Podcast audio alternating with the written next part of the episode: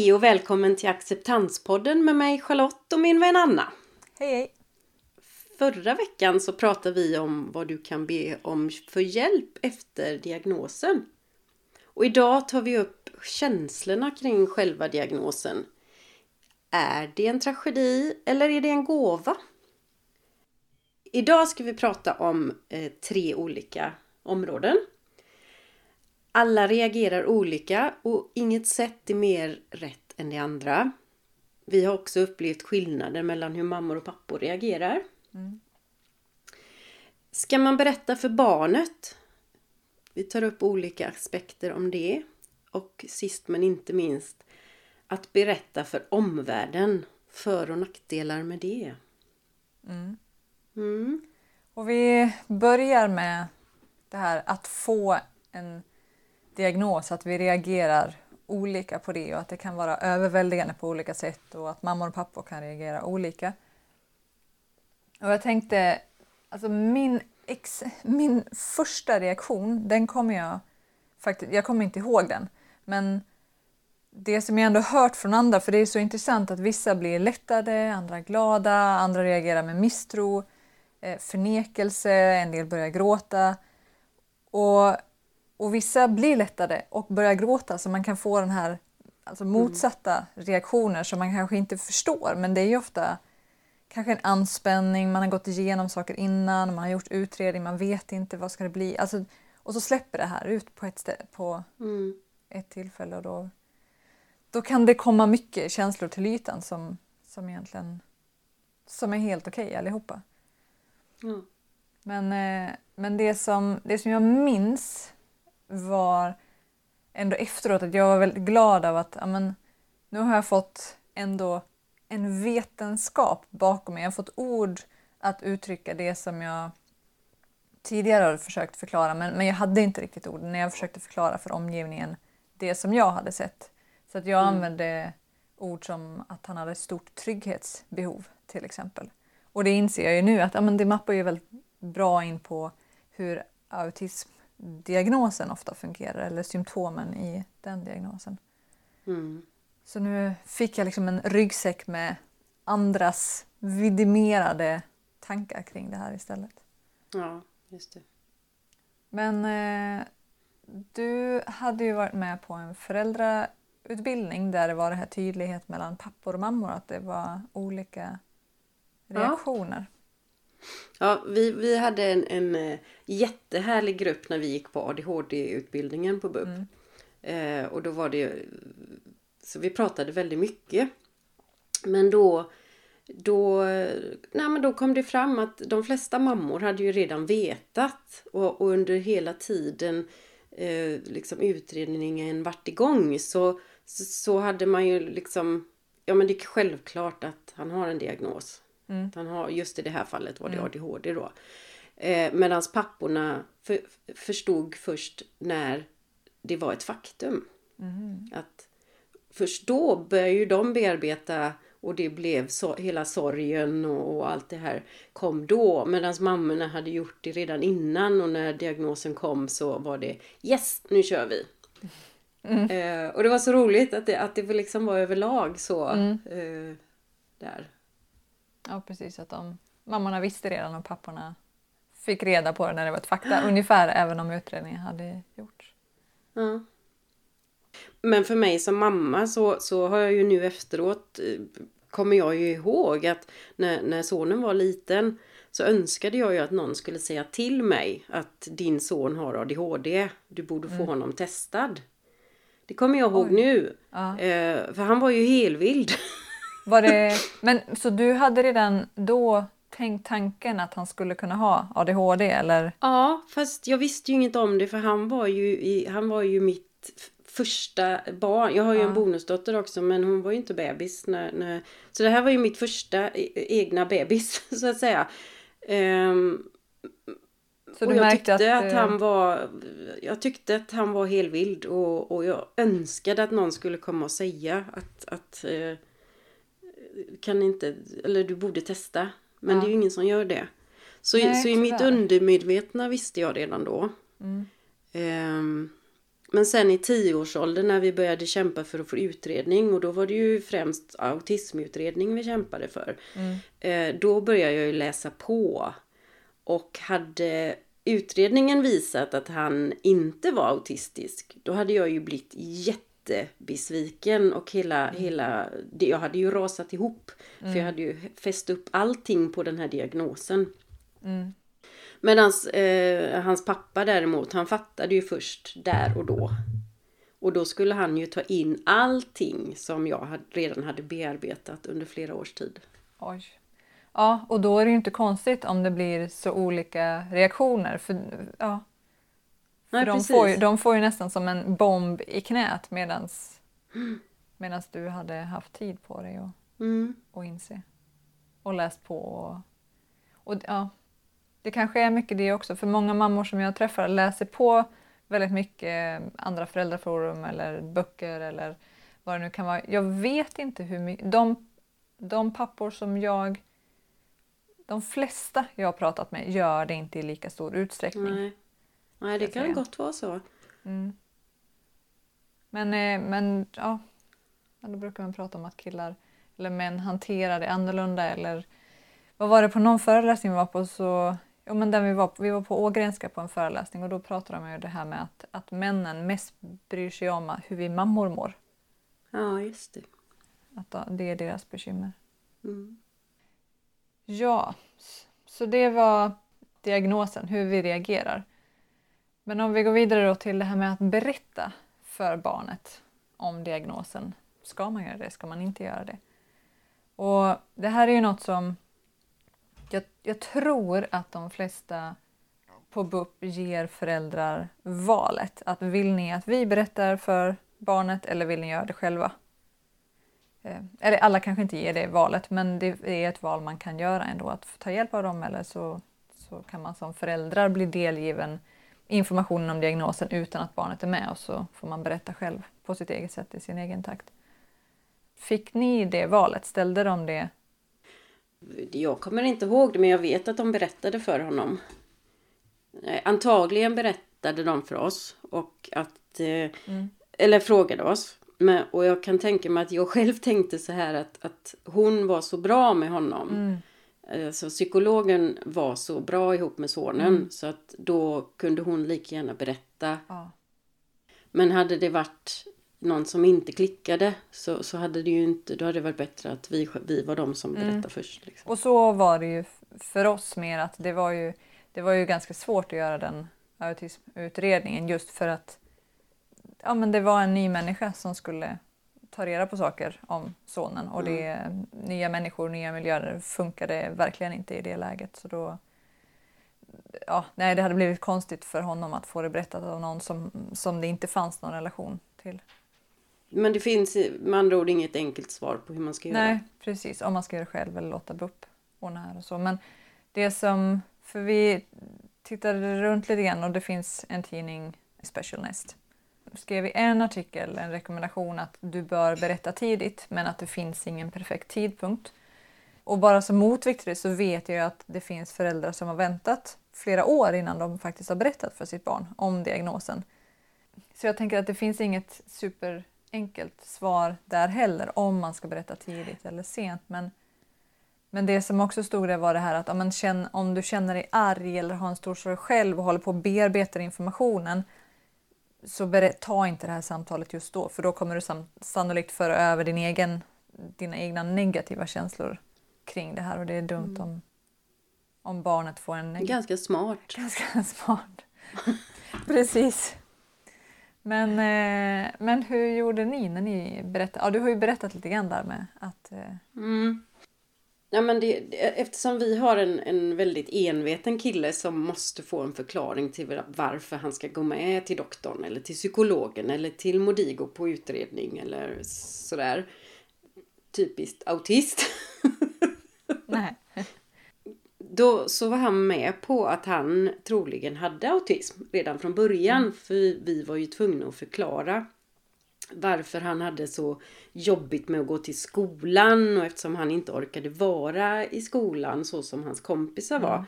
Så förklarade vi det med att han att han upplever världen på ett annat sätt än andra Mm. och att det i så fall berodde på någonting som hette autism. Mm. Så, så eh, när diagnosen kom så var det bara ja, vi hade rätt, nu har vi en förklaring. Och så tittade vi på lite Youtube-klipp och sådär och så fattade han och var helt nöjd. Vad härligt ändå. Alltså, Ja. mm, De är som jag. Eh, Ja, ja, men sån är ju, exakt sån är ju jag och så var det bra med det. Eh, Men med, på tal om Special Nest där då så tar ju de också upp att det är en process som pågår under lång tid. Och att det sker i flera steg. Så att eh, bara för att man har berättat en gång så nej. hjälper ju inte det. Men, men att om man, om man tar, tar upp det med, med fakta och, och, och gör det positivt så hjälper det barnet att förstå hur den egna hjärnan fungerar. Och varför det upplever då andra utmaningar än neurotypiska barn. Jo men Mm. det där med att det är en process, det är ju som 2016 fick vi diagnosen för autism. Och Mm. det vi är ju fortfarande i en process, även om långt in i den, men det är ju fortfarande ibland en förklaring att men det här är på grund av det eller så här funkar det. Så Mm. den fort, det är ungefär som att lära känna sig själv, att man lär sig mer om hur, hur funkar jag i olika situationer och på samma sätt så Ja, får vi ja. hjälpa våra barn med det. Mm. Ja men till exempel efter ett utbrott eh, så eh, skäms han. Mm. Och då är det jätteskönt att kunna säga men, men det är inte du. Utan du gör ju, du fick ett utbrott Mm. för, för att du, vi missförstod varandra och jag var inte tillräckligt Mm. eh, ja, jag lägger det ju på mig då men så att han förstår ja, ja, det, det har att göra med min eh, Mm. ADD Mm. eller min autism. Ja, eller så. Så jag håller med. Det, det, det pågår hela tiden. Ja. Om vi fortsätter på Special Nest Mm. så ger ju de i samma artikel då. Det eh, så man kan söka på den på nätet för den, den var väldigt bra. Eh, där tipsar de om att, att man tillsammans med barnet gör en lista över barnets styrkor och utmaningar.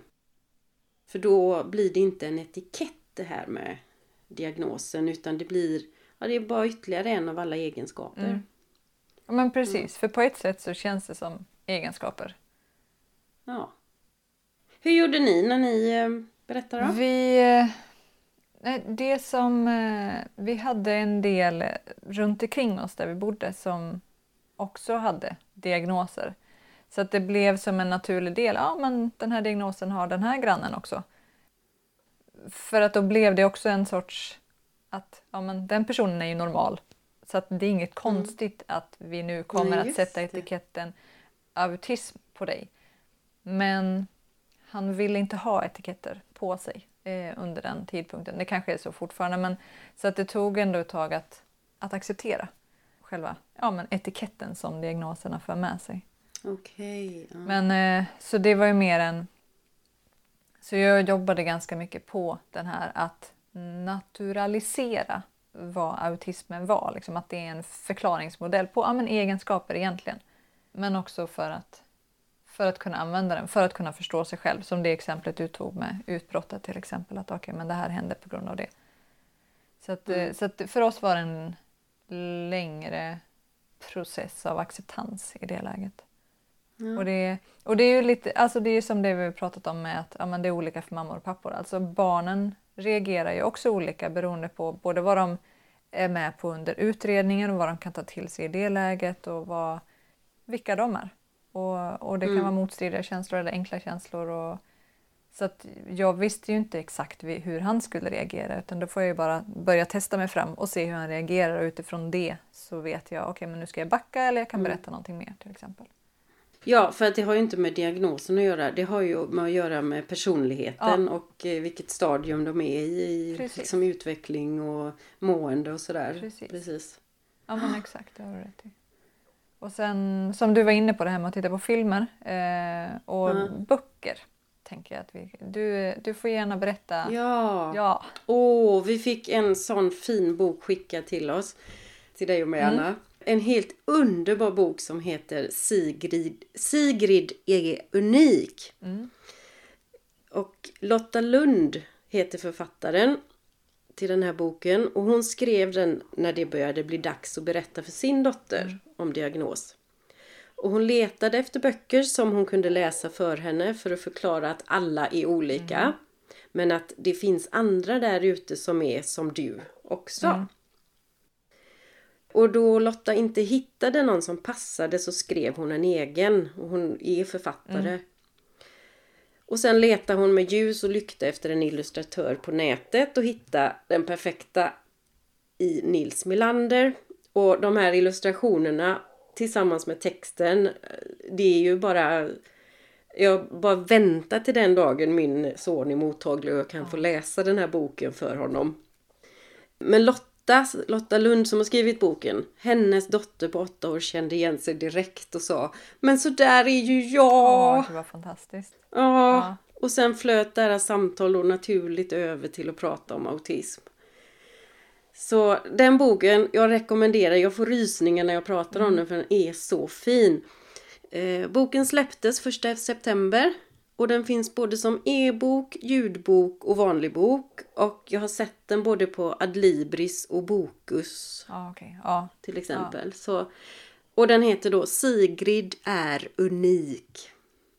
Sen har du några andra böcker att rekommendera Anna. Ja men precis. Vi har inte tittat så jättemånga böcker men jag såg något tips om eh, en, två böcker som heter Alla katter har AST och Alla hundar har ADHD. Och det är ju alltså, det är bilderböcker. Det är bilder på olika hundar och katter. Liksom en sida per och så skriver de. Ja, de är helt underbara. De är inte bara för små barn. för som vuxen så, så, eller tonåring den var han faktiskt med på att titta. Mm.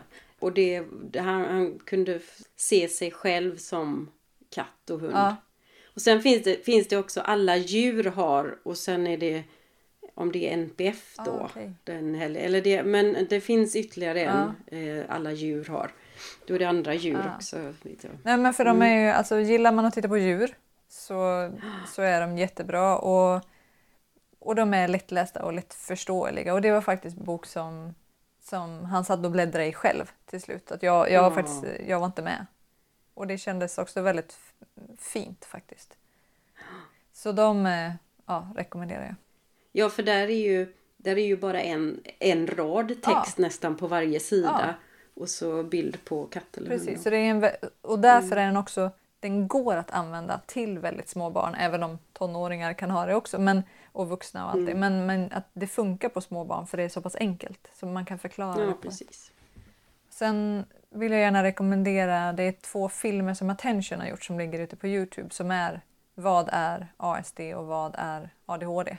Mm. Och de vet jag att vissa har använt när de har fått diagnos så har de tittat på filmerna och diskuterat utifrån dem.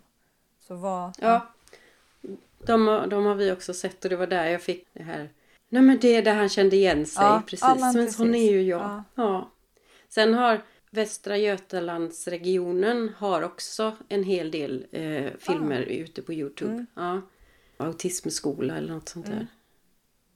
Så e-boken som vi pratar om, eller boken som vi pratar om är Sigrid är unik. Och den finns att hitta som e-bok, ljudbok, vanlig bok. Ja, i bokhandeln. Ja. ja. Och alla katter har AST, alla hundar har ADHD. Jag lånar dem på biblioteket. Mm. Men de finns att köpa också. Ja. På ja, okay. van, mm. vanliga näthandlar. Mm. Och sen filmer från Attention. Vad är ASD och vad är ADHD? Så kolla mm. gärna in dem. Ja. Och sen ska man berätta för andra om diagnosen. När du börjar berätta om ditt barns diagnos för andra människor så förbered dig på olika reaktioner. Även från de som älskar dig och ditt barn. Som vi pratat om eh, i tidigare avsnitt så kan vi till och med mötas av att vår uppfostran ifrågasätts på, på grund av barnets beteende. Eller att man får väldigt välmenande goda råd. Men du kan också mötas av nyfikenhet och öppenhet och acceptans. Precis, och du du måste ju inte berätta. Det finns ju ingen yttre kraft som säger att du måste berätta för någon. Utan det här är ju ett val som du eller ni och familjen gör utifrån vart ni befinner er i er vardag. Men det som kan vara bra att tänka igenom om det är så att du funderar på att berätta eller vill berätta är att men vad är, vad är syftet med att berätta? Varför? Och, och här tänker jag att det finns ju två delar. Det ena kan ju vara för en själv och det kan också vara för barnets behov. Och för min del när jag började berätta för andra vuxna, det var ju Dels var det för att jag behövde ventilera. Det var, det var så mycket i mig så jag behövde liksom pysa ut allt det här som, som jag visste just nu. Eh, men också att de kompisar som min son hade och som han lekte med, jag ville berätta för deras föräldrar så att de visste att mm.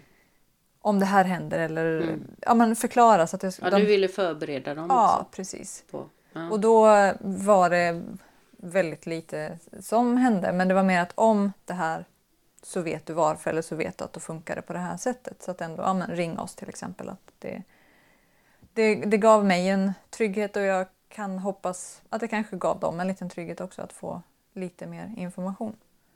Mm. Och här kommer ju den här svåra att om man berättar, det kan ju betyda att barnet möts av en ökad förståelse från vuxna och andra familjer.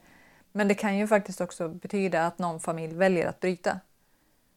Vi har inte varit med om det, så vitt jag vet i alla fall, men jag har hört den typen av historier när, när föräldrar faktiskt inte kan acceptera att ett barn har en viss diagnos. Usch. Ja, den är, den, ja, den är jättehemsk. Åh, oh, jag, får, jag, oh, jag ryser. Åh, oh, jag blir så upprörd.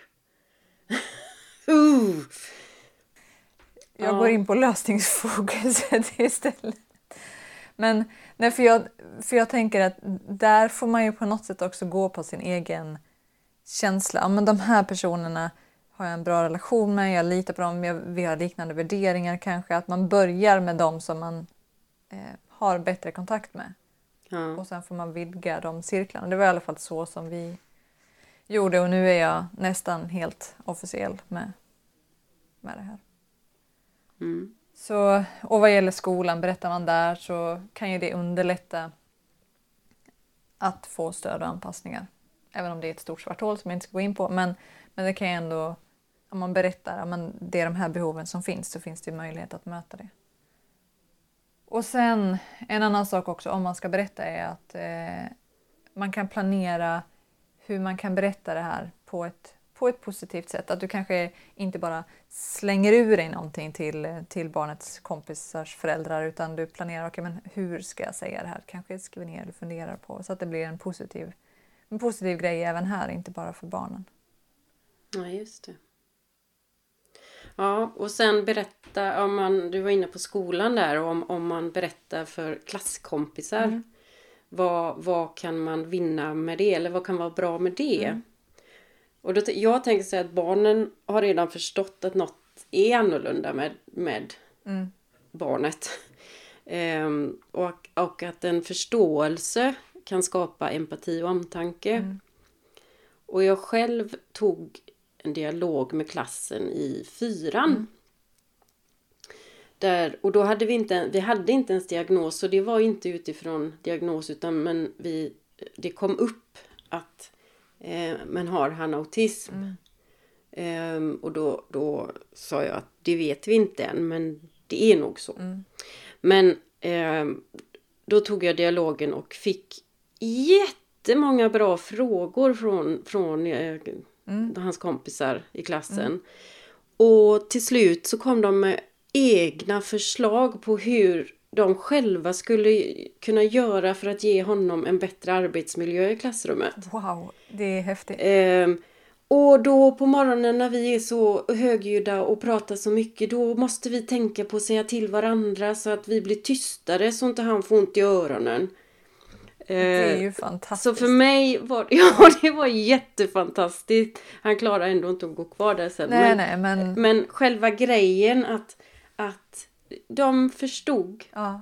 Och eh, i och med att de kunde ställa alla frågor eh, som de hade till mig mm. eh, var jättebra.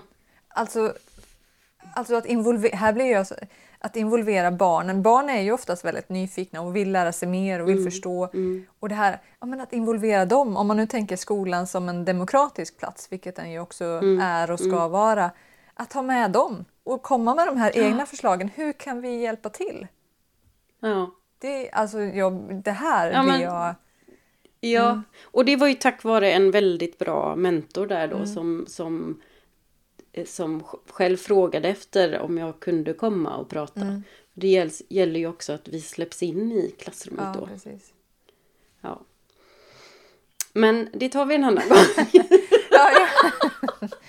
Men det här tycker jag också är ett, är ett bevis på att barn ofta förstår eh, mer än vad vi vuxna tror och kan ha eh, väldigt mycket empati. Som Mm. Ja. vi inte alltid ger dem tillfälle att få visa. Precis. Mm. Jag tycker det är en självklarhet. Ja, om vi då ska sammanfatta dagens program så har vi pratat om första punkten var att alla reagerar olika och inget sätt är mer rätt än det andra. Och vi har också upplevt skillnaden mellan hur mammor och pappor reagerar. Det är inget faktabaserat men det är en upplevelse vi har med oss. Punkt två var att om barnet ska man berätta för barnet och vi tog upp olika aspekter om det. Och punkt tre var att berätta för omvärlden med för och nackdelar. Och det är viktigt att du berättar för att du tycker det är viktigt. Men det är du som bestämmer. Och om du väljer att berätta för omvärlden så var klar över varför du berättar och hur du gör det på ett positivt sätt. Jättebra. Mm. I nästa avsnitt så pratar vi om våran NPF-vardag. Missa inte nästa avsnitt av Acceptanspodden. Hej då! Hej då!